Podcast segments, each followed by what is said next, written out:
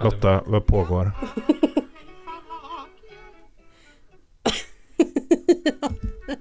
Jag, eh, jag eh, försöker lära, lära Carina om finsk politik genom Alfred Backas eh, sketcher på Instagram. Jag är bara glad att det sträcker sig längre än till Sanna Marin. Marin. Ja, Hon är ju, hon är ju, hon är ju ute nu. Det här är aktuell politik. Hon har tyvärr aldrig varit inne. Jag sa vad jag sa.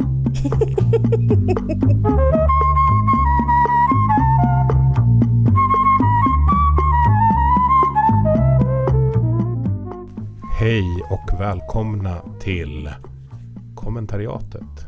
Sveriges enda podcast med den uttalade ambitionen att ena Sverige. Med mig har jag två politruker.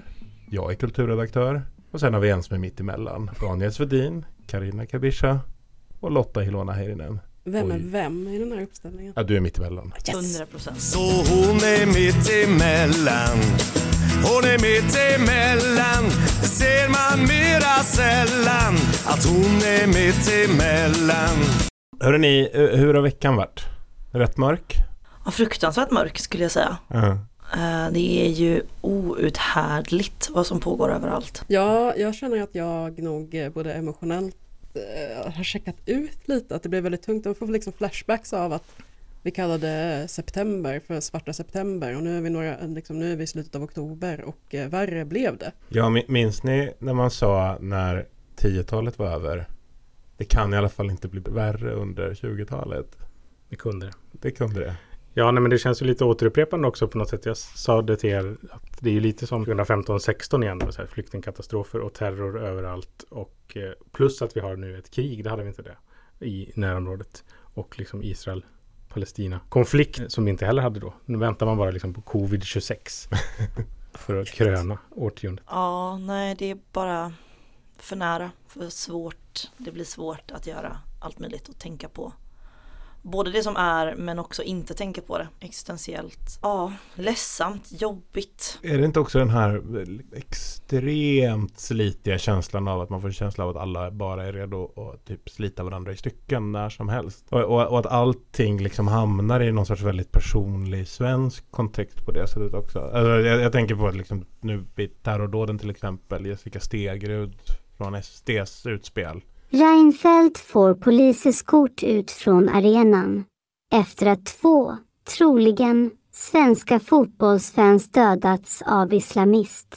Han om någon borde tvingats sitta kvar utan något som helst polisskydd. Mina tankar går till de dödade och deras anhöriga. Mitt frakt går till alla de politiker, inklusive FR, som lagt grunden för detta. Där hon helt plötsligt börjar liksom agera ut sitt hat mot Fredrik Reinfeldt mitt i ett terrordåd. Det är väl det som ligger top of mind för väldigt många. Är, ju, är väl just det där. Alltså, ho- hon har ju sin förklaringsmodell tänker jag väldigt mycket över. Så vad, vad är alla fel med det här samhället? För henne börjar och slutar det någonstans med Fredrik Reinfeldt. Kanske Mm. inte börjar men slutar åtminstone. Eller slutar inte heller, slutar med eh, Stefan Löfven. Och börjar med Olof Palme. Ja. Eh, utan att försvara henne, men det här, det här är väl hennes liksom, det är det här hon bottnar i. Eh, förräderiet mot Sverige handlar så väldigt mycket för väldigt många Sverigedemokrater om Moderaterna och specifikt Fredrik Reinfeldt. Och delvis är väl folk så blasé, man är så van vid att sådana här Sverigedemokrater bara vräker ur sig saker men också i ett sammanhang där allting är så mörkt. Där människor har panik. Liksom, det kommer för nära, det skjuts för nära. Det är bilder på mördade barn, det är liksom ett upptrissat samhällsklimat. Då efterfrågar man också det här. Och helt plötsligt så blir det ganska rationellt att vara så. Jag vet inte, önska livet ur någon eller kräva någonting som för bara ett litet tag sedan hade varit helt uppåt väggarna. Eller Tycker det blottlägger liksom, alltså den grundläggande konspirationsteorin som Sverigedemokraterna har byggt sin politik på, liksom Eurabia, folkutbytet och så vidare. Liksom en grundstomme i det är ju att det, att det i väst finns ett eh, etablerat, liksom, eller att det finns ett politiskt etablissemang i väst som medvetet har fattat politiska beslut som ska ta liksom, samhället hit, vare sig det gäller terror eller kriminalitet eller social utslagenhet eller vad det nu än handlar om. Mm.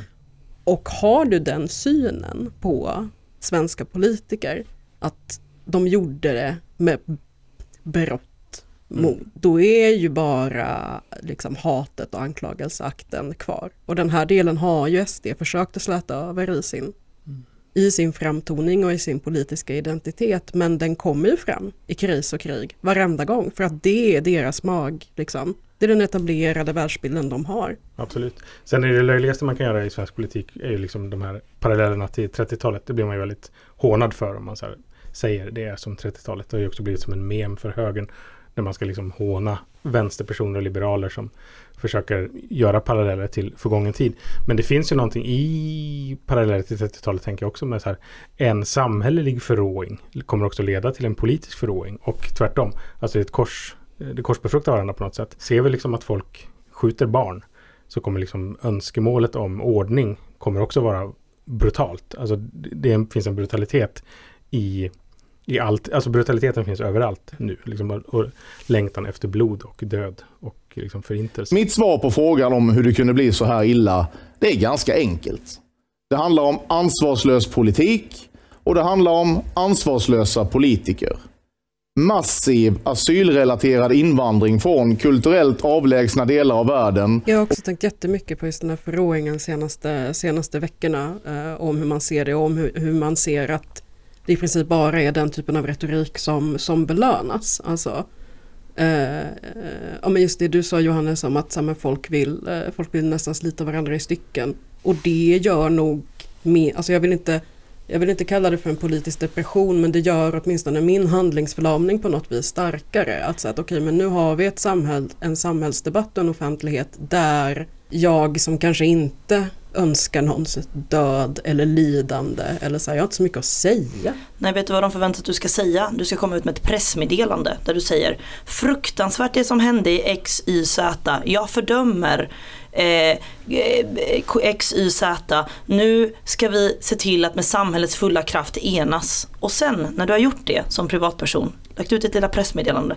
så kanske, kanske, kanske till exempel liberaler kan låta dig eh, säga eh, någonting om vad en sverigedemokrat gör. För har du inte gjort det, då kommer folk säga saker som Vad konstigt att människor bryr sig mer om vad Jessica Stegerud säger att två personer kallblodigt mördades i Bryssel. Swedes were shot because they were Swedes, but many intellectuals and politicians are more outraged over an insensitive tweet by a Sweden Democrat. One tweet is worse than actual Islamic terrorism, judging by the reactions of our noble intelligentsia.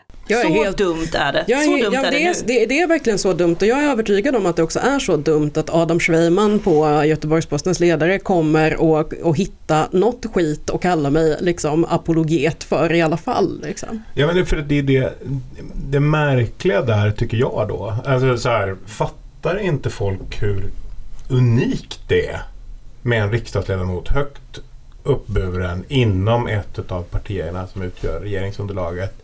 Som faktiskt sitter och önskar livet ur en annan människa. Alltså det, det, det, vi, vi har typ inte sett någonting liknande i offentligheten.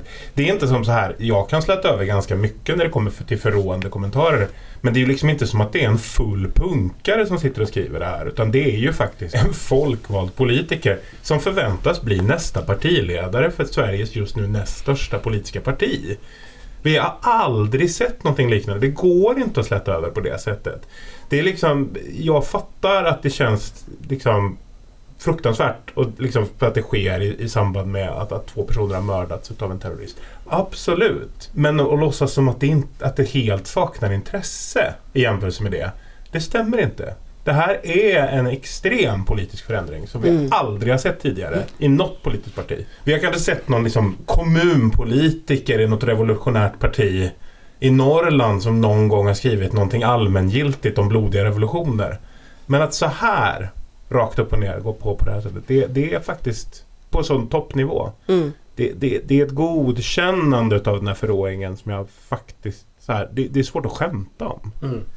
Nej men visst, och det är väldigt märkligt då liksom att Ulf Kristersson själv tycker att det här är liksom en intern affär på något sätt. Vad enskilda sverigedemokrater säger och gör lägger inte jag mig i. Jag tycker det var ett omdömeslöst sätt att uttrycka sig. Det får Sverigedemokraterna hantera själva. Men grejen är att Sverigedemokraterna har ju inget problem med någonting internt. Nej. Men- Kolla på Jomshof.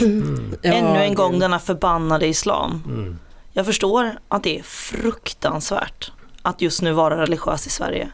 Men det är det alla sätt och vis när det gäller alla typer av religioner. Eh, och det är helt jävla sjukt att barn bara dör. Det, är, det går liksom inte att värja sig ifrån. Nu får jag komma ut som poddmammis men det, är, ja, det blir en ny nivå av det. Jag tycker det är hemskt. Men, men jag, kan, ja, jag, jag, kan, jag kan dra den. Du kan gå direkt på den. Ja, exakt. Nej, men för jag tänker eh, eh, oavsett hur vi lägger upp eh, segwayn från, från det mörka till, till, till, till, till nästa ämne. till, till nu när vi ska prata om Ulf Kristerssons eh, no-show och, och show så kan inte segwayn bli sämre än segwayerna de har, de har introducerat i Henrik Jönssons nya YouTube talkshow. 100%. Ni är ju båda två killar som faktiskt är i god fysisk form. Jag tror eh, att även detta är en konkret viktig aspekt på att kunna tänka och agera klart. Att man faktiskt sköter om sig. Och det jag försöker göra nu är att hitta en liten uh, segway till nästa segment i det här programmet. Vilket handlar om att jag var alltså hemma hos eh, författaren eh, och skribenten Lena Andersson. Ulf Kristersson är ju den första, första gästen. Han dök upp där, har, har varit lite mer osynlig i, i andra sammanhang den senaste tiden. Det var någon som sa vi såg det inte komma. Jo, jag såg det här komma. Det är fler än jag såg det här komma. De, jättemånga såg det komma. Jättemånga såg det här komma. Han, men han dök upp där och de pratar naturligtvis om det som vi också pratat om. Gängkriminaliteten, eh, skjutningar. Jag tror inte att eh, Hamas eh, attack mot, mot Israel hade, hade skett då än. Frågan. Accountability. Accountability. Du, Ulf, det här har ju varit ett, det här är ju ett plågsamt alltså, samtalsämne på riktigt. Och jag vet att det är många liksom, som, som, som tycker att det här är både skrämmande och jobbigt. Men som, som, som en god frihetsälskande person så känner jag också att för att balansera upp av det tunga och det mörka är det också viktigt att komma ihåg att allting i vårt samhälle är inte åt helsike.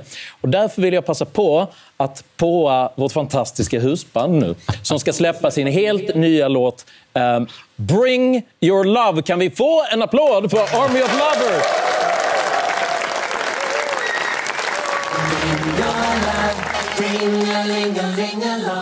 Eh, 60 år gamla är de väl, hela gänget. En bit över pensionsålder. Hela bunten. Är det sant? Ja, men det, fan vet. Men, men det, det är ju inga ungdomar. Mycket kan man säga, välbevarade. Ja, rätt heta fortfarande. Ja, det beror på när det kommer till Alexander Bard kanske. Eh, Men, men jag tyckte att det där var så intressant Lotta för att jag satt och kollade på det där och så, och så slog det mig precis när Henrik Jönsson gick upp och sa och vårt husband är Army of Lovers att ja, det här var ju coolt 1993. Det är spännande med de här libertarianerna hur, hur de har gått från coola unga människor till gamla föredettingar. Helt liksom sömlöst. Alltså för att de har haft ungefär samma saker. Man har haft, haft ungefär samma intellektuella med ungefär samma låga tillväxt på 40 år. Ungefär samma artister helt utan tillväxt på 40 år. Så det bara fortsätter. Och, och man får ändå känslan av att Henrik Jönsson tycker det är för jävla fräckt ändå att ha Army of Lovers i studion. De sitter ju på en liten tron bakom hela liksom, intervjusegmentet vilket är ganska roligt tills de då ställer sig upp och mimar. Eh, det är liksom husbandet utan instrument. Eh, men, det, men, ja, men det passar, matchar deras, eh, eh, deras image eh, en del. Men själva programformatet, liksom, så här, nu ska vi ha en intervjushow, känns också väldigt så här, söndagsöppet för att så här, Ulf Kristersson är jättetrygg i den där miljön för han vet att Henrik Jönsson kommer inte ställa några svåra frågor. Och det gör han inte. Samtidigt lanserar de ju hela det här programkonceptet på Youtube som att ja, men nu vi ska ställa frågorna som skaver, vi ska dra frågorna till sin yttersta spets, det är därför vi heter 100% och det vi fick med Ulf Kristersson, temat nu var 100% makt. Det är Ulf Kristersson, sen är den tidigare arméchef som är med.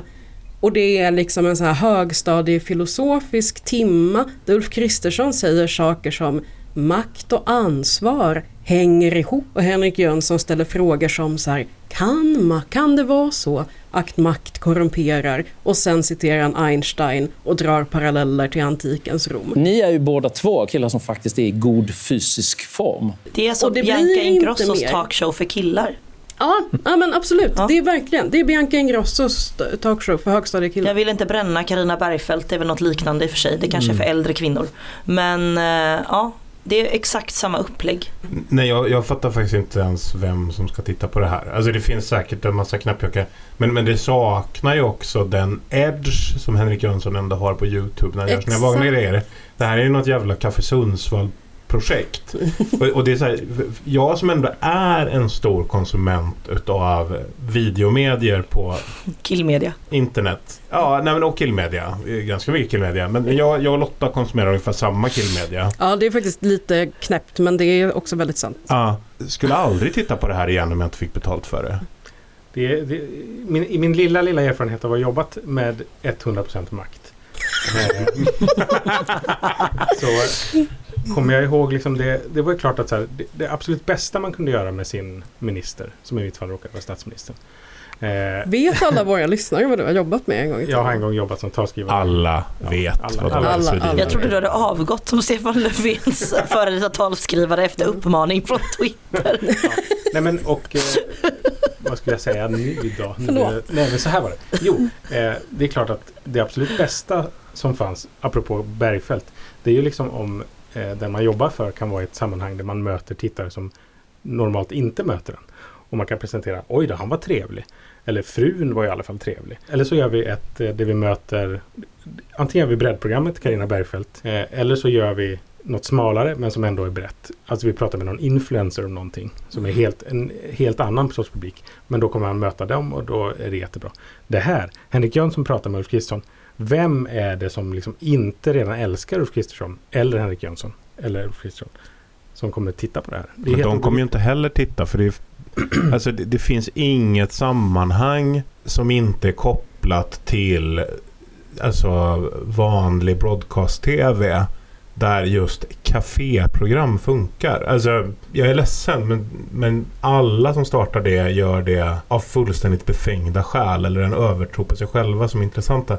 Det är liksom, jag, jag, jag har goda vänner som har försökt men, men det är inte ett bra format. För att när du tittar på strömningsproduktioner så är det ofta så att du vill koncentrera dig så lite som möjligt. Du vill att det ska gå i bakgrunden. Och om du vill att något sånt här ska gå i bakgrunden då sätter du på God kväll i SVT medan Mm. du lagar mat. Men jag vill ju inte sitta och lyssna på Henrik Jönsson. Alltså jag, jag vill inte aktivt gå in på YouTube och leta upp Henrik Jönsson som lagar mat med Lena Andersson. Ska vi laga din beryktade havregrynsgröt? kan vi göra. Just det. Det är fullständigt ointressant. Och framförallt en Lena Andersson som är så nerklippt för att framstå som rolig. Så att det nästan blir det roliga i sammanhanget. Att de liksom katt snabbklipper hela tiden när hon har råkat säga någonting roligt. Och så över till Henrik Jönsson som ställer någon fråga. Och så snabbklipp. Så att alla längre resonemang är liksom borttagna för att det inte ska bli konstigt. Det finns ju ändå en och annan ung grabb som kollar på Henrik Jönsson. Jag hoppas på lite eh, roliga reaktioner på Army of Lovers. Ja, det, De här människorna var inte födda 93. Army of Lovers är kanske de som kommer kännas mest på liksom, att vara med i det här sammanhanget. Att de så plötsligt har liksom en... Det kanske finns någon som tycker att det är liksom lite kul och retro. Hellre ökänd än okänd value. Exakt. Ja, nej men det, det är... Jag tyckte att det var, blev väldigt påtagligt att det här var... Alltså, vi beskrev det ju i något sammanhang som att vi har en statsminister som kräver ett tryggt rum tillsammans Mm. med Sveriges allra galnaste människor. Och man märker att Ulf Kristersson kände sig väldigt trygg i det här sammanhanget på ett sätt. Mm. Vet ni vad det var? Han började med att skoja om sin längd. Oh, Ulf, jag vill börja med den fråga som jag tror ingen ställer, men som alla egentligen undrar. Hur lång är du egentligen? det är också ett, eh, ett rum där Ulf Kristersson kan vara så pass trygg att han kan liksom spotta ur sig floskler som att, eh, som att det är viktigt att omge sig med folk som inte är så lättimponerade. Jag vet inte om han syftade på E-Type då kanske, eh, men det gjorde han inte. Det var hans, hans medarbetare Och att han har väldigt duktiga medarbetare och att det är så himla viktigt att politiken genomsyras av, av kunskap. Mm. Alltså oavsett, ja, vi, så här, vi har ju ganska uppenbart och transparent en bias emot sittande, sittande regering. Hur mycket vi än har ambitionen att ena landet Sverige Mm. så, så måste vi ändå vara ärliga med det. Vi måste ju en, kunna ena landet mot Moderaterna. Ja, det, ja absolut. Det, det tycker jag. jag. Jag är för. Men, men även så här, eh, jag skulle säga så att objektivt neutrala liksom påser av detta. Mm. Jag, jag undrar verkligen så här, hur många är det som har följt den här regeringen? Sverigedemokraterna, Ebba Busch, Ulf Kristersson, valrörelsen, utspelen. Som verkligen tycker att det är en regering som, som grundar sig på någon typ av liksom bildnings och kunskapsanspråk. Nej, men de, det, de sysslar väl jättemycket med affirmation. Det här var ju liksom Ja. i valrörelsen också. Att nu ska det äntligen bort med den stammande, inte valrörelsen riktigt, en, men liksom bort med sossar och Morgan och Strandhäll och allt vad de heter. Och nu kommer det kompetens. Och det, det fortsätter de att prata om. Det, och liksom på ett, på ett teoretiskt plan kan man tycka att det här, ja, om det vore sant det han säger. Att han är liksom en, en människa som bara liksom Jakten på kompetens är det som styr honom i alla Ja tillsättningar. men klipp till fem minuter senare när han Mm. sitter och säger att, så att ja, men den, så här, vi kommer inte, det måste vara slut på snacket om samverkan mellan myndigheter Mm. för att råda bot på gängkriminaliteten. Det är den frågan. Jag träffade en polis i Göteborgstrakten som sa att nästa gång någon säger vi måste samverka mer, då kommer jag osäkra min revolver.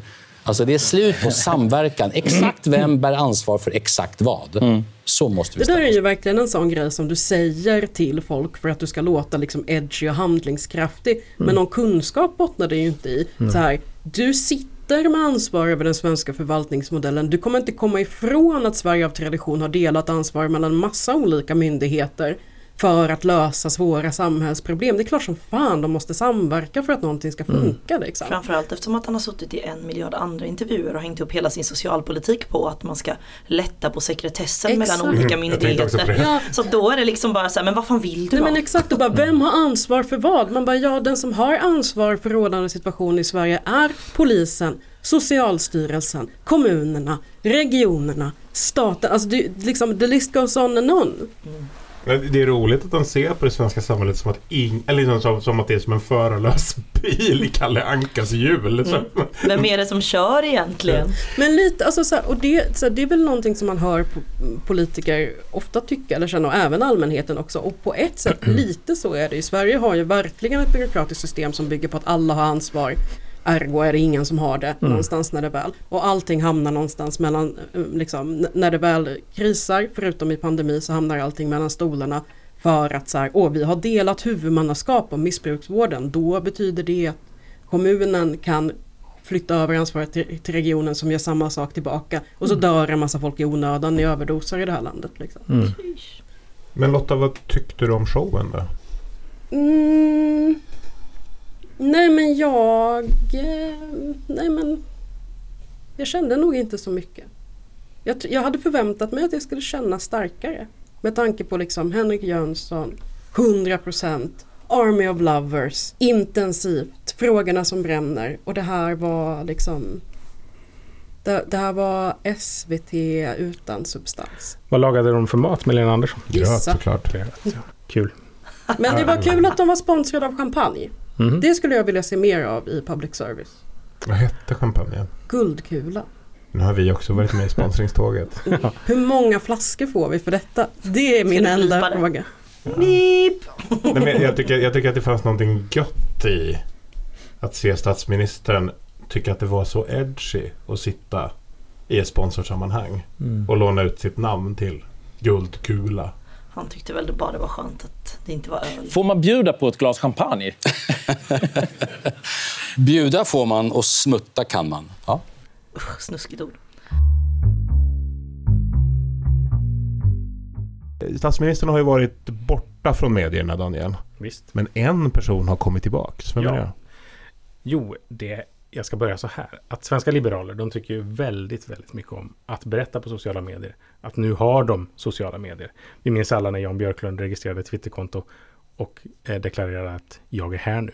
Nu har Romina Pourmokhtari efter ett års tystnad gjort Twitter-comeback genom att twittra Jag är tillbaka. Vad har hänt sedan sist? Och mycket har hänt. Twitter heter X.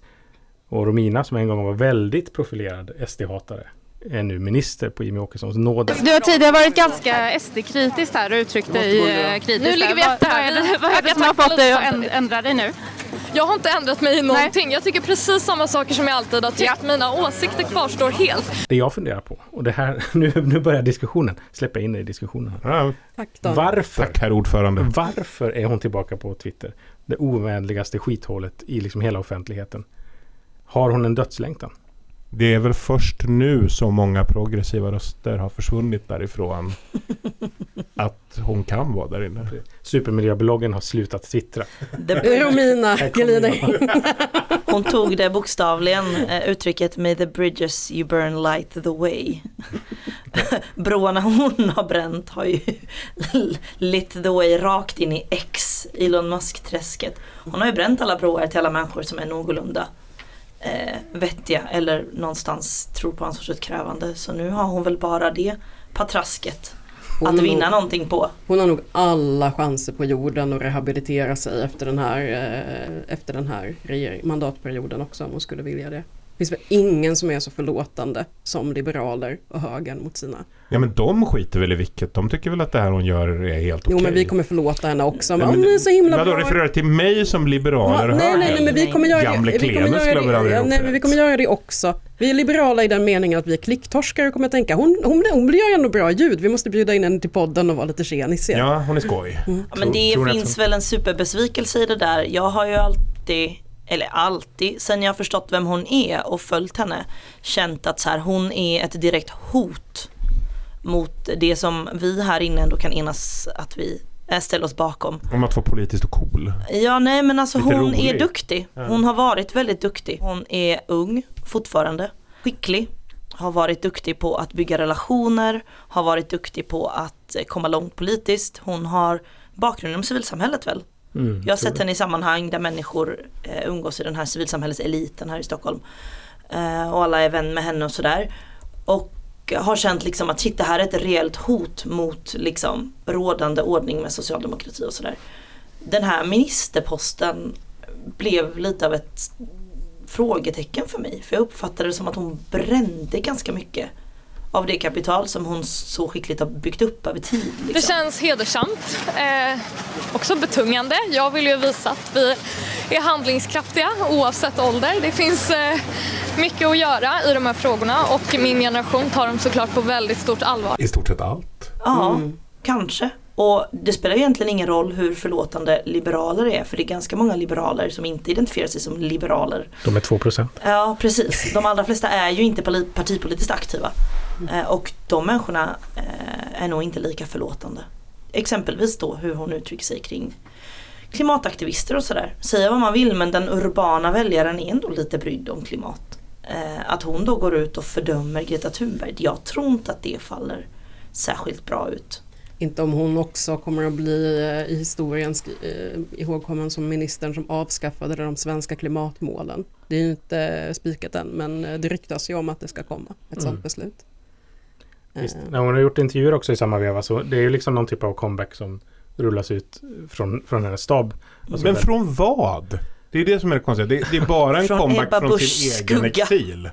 Ja, jo men det är det väl. Nej men det är väl nu så, i och med att Hassler sitter och utreder om klimatmålen ska finnas kvar. Att man, att, dels tror jag att, lite som det Carina är inne på, att så här, man vill väl jag skrev på lite skoj så här att, att hon, det är liksom starten på hennes partiledarkandidatur. Att hon så här, nu är jag här, minns ni mig? Och så gjorde hon en tråd med massa jättebra reformer i hennes ögon som hon har gjort. Ni får eh, eh, ja, helt enkelt se till att eh, vässa öronen för här kommer det komma mycket tätpackad information.